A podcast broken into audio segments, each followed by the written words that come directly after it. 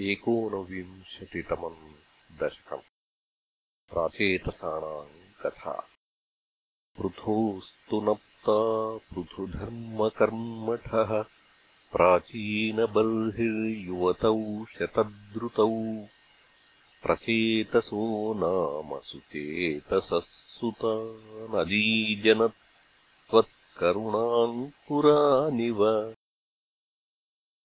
पितुः शिसृक्षानिरतस्य शासनात् भवत्तपस्याभिरतादशापि ते पयोनिधिम् पश्चिममेत्यतस्तटे सरोवरम् सन्ददृशुर्मनोहरम्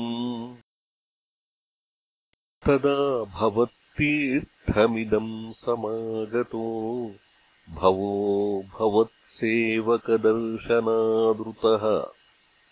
प्रकाशमासाद्य पुरः प्रचेतसामुपादिशत् भक्ततमस्तव स्तवम्। स्तवम् जपन्तस्तममीजलान्तरे। भवन्तमासेविशतायुतम् समाह।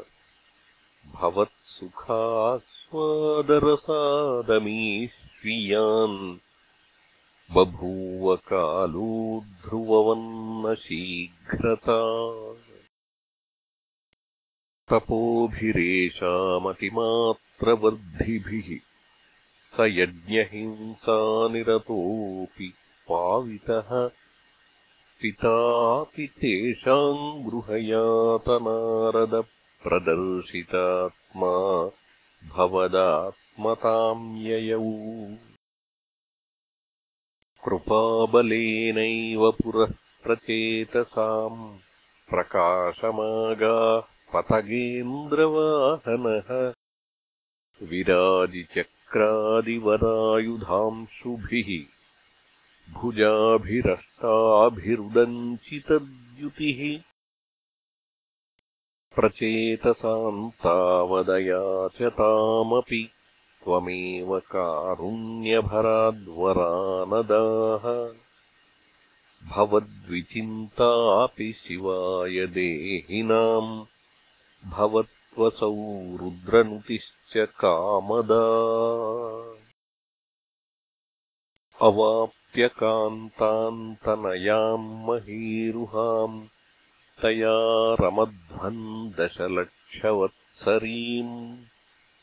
सुतोऽस्तु दक्षो ननु तत्क्षणाच्च माम् प्रयास्यथेति न्यगदो मुदैवताम्।